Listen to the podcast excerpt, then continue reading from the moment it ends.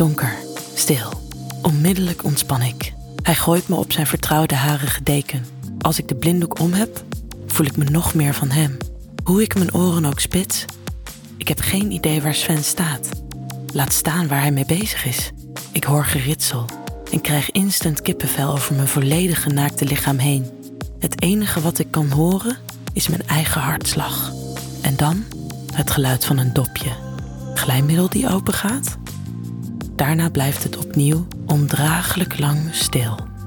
Een deel van mij wil hem smeken om mijn handen los te maken, zodat ik de satijnen blinddoek af kan doen en mij in zijn armen kan wurmen. Maar het getintel tussen mijn benen houdt me tegen. Ik bezwijk. Het begon na schooltijd. Hij bood me een mojito aan. We zeverden wat, de rum maakte ons wat losser en het thema van plezieren in bed en verlangens kwamen boven. Er was vuur. Een tintelende sfeer hing tussen ons. Beide partijen voelden de lust opkomen om ons aan elkaar over te geven. Het geflirt maakte de drang onweerstaanbaar. Elke kleine onschuldige aanraking zorgde voor spanning en intens verlangen. Al snel bleek dat we een fantasie gemeenschappelijk hadden. Ik had de drang om zijn onderdanige te zijn en hij had de drang om mij in zijn bezit te hebben. Het volledige meesterschap. We deelden onze historie, bekeken samen heerlijke filmpjes en hij deelde zijn favoriete websites met me. Zodra ik weer thuis was, googelde ik de webshop waar Sven het over had gehad. Ik was gewoon nieuwsgierig, vol zin en mijn gedachten bij hem, terwijl ik met mijn MacBook in bed kroop. Enkelboeien, zweepjes, ieder raadselachtig voorwerp schilderde een nieuwe fantasie in mijn hoofd. Na een half uur scrollen schoof ik een hand in mijn slipje, dat kletsnat bleek te zijn. Vingerde mezelf in nog geen vijf minuten naar een sidderend hoogtepunt, terwijl ik aan maar één iemand dacht.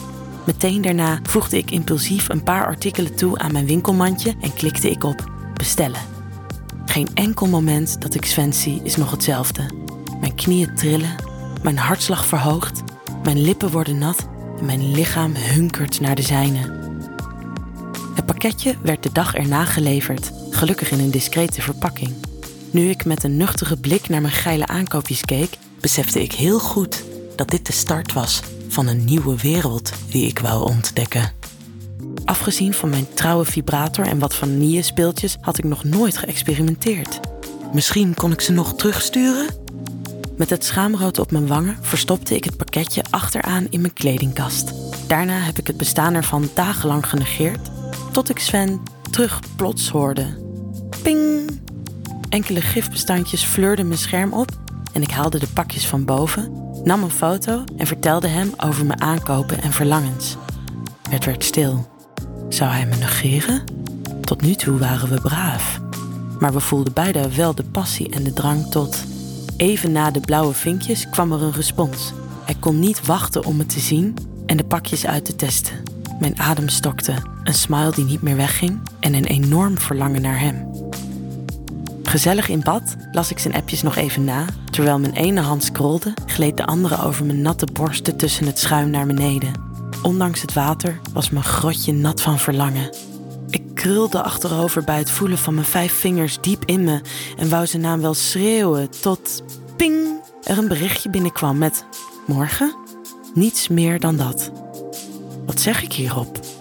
Tuurlijk morgen, ja. Of reageer ik beter wat koeler? Wacht ik om te sturen? Of doe ik het appje toch meteen open? Wat zal hij niet denken?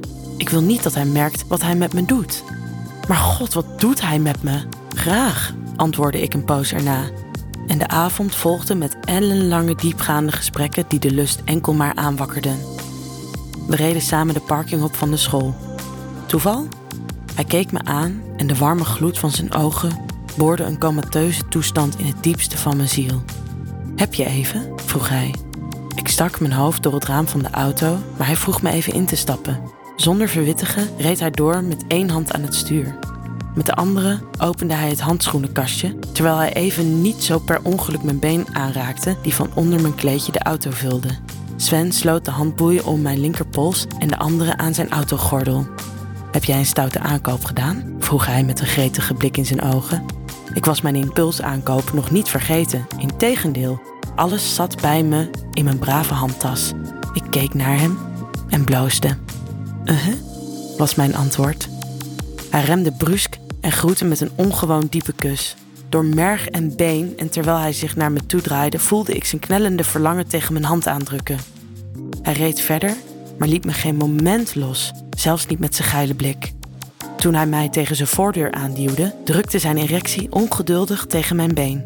Oh, bracht ik uit. Maar de echte verrassing volgde nog. Meteen daarna hoorde ik iets rinkelen en sloot hij opnieuw een handboei om mijn linkerpols. Heb jij een stoute aankoop gedaan? vroeg hij opnieuw met een gretige blik in zijn ogen. Een blik die ik nog niet kende, maar waar ik wel van hield. Oeps. Ik bloosde, maar bood heel bewust mijn tweede pols aan. Ik wilde het terugsturen, begon ik, maar voor ik het wist had hij mij al op zijn bed geduwd. Uitkleden, zei hij, waarna hij de tweede boei sloot, mij blinddoekte en mijn enkels vastmaakte aan de hoeken van zijn bed. En daar lag ik dan, naakt en vastgebonden voor mijn nog aangeklede meester. Ondanks mijn schaamte voelde ik dat ik nat was.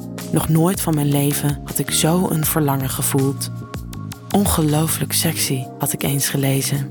En ja, zo was het. Het leek een mensenleven te duren voor Sven mij eindelijk aanraakte, niet wetende of de veer of de zweep nu eerst kwam. Hoewel hij enkel mijn buik had gestreeld, kon ik het niet laten om te kreunen. Ongeduldig, plaagde hij, terwijl hij mijn hele lichaam streelde, afgezien van het plekje waar ik het het meeste nodig had. Iedere aanraking was een verrassing. Toen hij eindelijk mijn clitoris aanraakte, slaakte ik een verbaasd kreetje dat al snel overging in gekreun. Hij was me aan het likken, realiseerde ik me toen ik de natte warmte van zijn tong voelde. Sven bleef plagend langzame cirkeltjes rond mijn klitje tekenen tot ik trilde van verlangen. Meer, smeekte ik, meer, waarop hij met zijn eikel tussen mijn schaamlikken begon te glijden op dezelfde ondraaglijk trage manier. Daarna werd alles een beetje wazig. Ik zag niets en ik voelde, hoorde en wilde alleen nog maar hem. Toen hij mij eindelijk vol op de mond kuste en zo diep mogelijk in mij stootte, vergat ik prompt dat hij buren heeft. Niet veel later kwam ik schokkend klaar. Toen mijn blinddoek eindelijk verdween, was zijn glimlach het eerste wat ik zag. Toch maar niet terugsturen dan? plaagde hij. Hij keerde me om. Elk gaatje werd met zorg ontdekt en verwend. Heerlijk om zijn verlangen in mijn kontje te voelen glijden. Zijn kreunen in mijn oor. Ik wil alleen maar dat hij me harder en dieper neemt. Voelen hoe hij voor mij wil komen is de mooiste bevestiging die ik kan krijgen.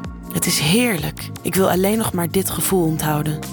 Zijn handen nijpen mijn love handles samen terwijl zijn hand af en toe mijn billen heerlijk tikt, terwijl hij dieper en dieper synchroon in me stoot. Wauw, hij overtreft mijn verwachtingen en fantasieën. Nooit had ik me dit scenario voor de geest durven halen. Moe, voldaan en verdringend in de pracht van zijn heerlijke lichaam, krul ik blozend van wat schaamte met een kleine lach diep zijn armen in, verlangend naar meer, telkens meer van hem, van ons. Wil jij nou meer spannende verhalen? Luister dan naar Charlie's Avonturen, een podcast van Easy Toys.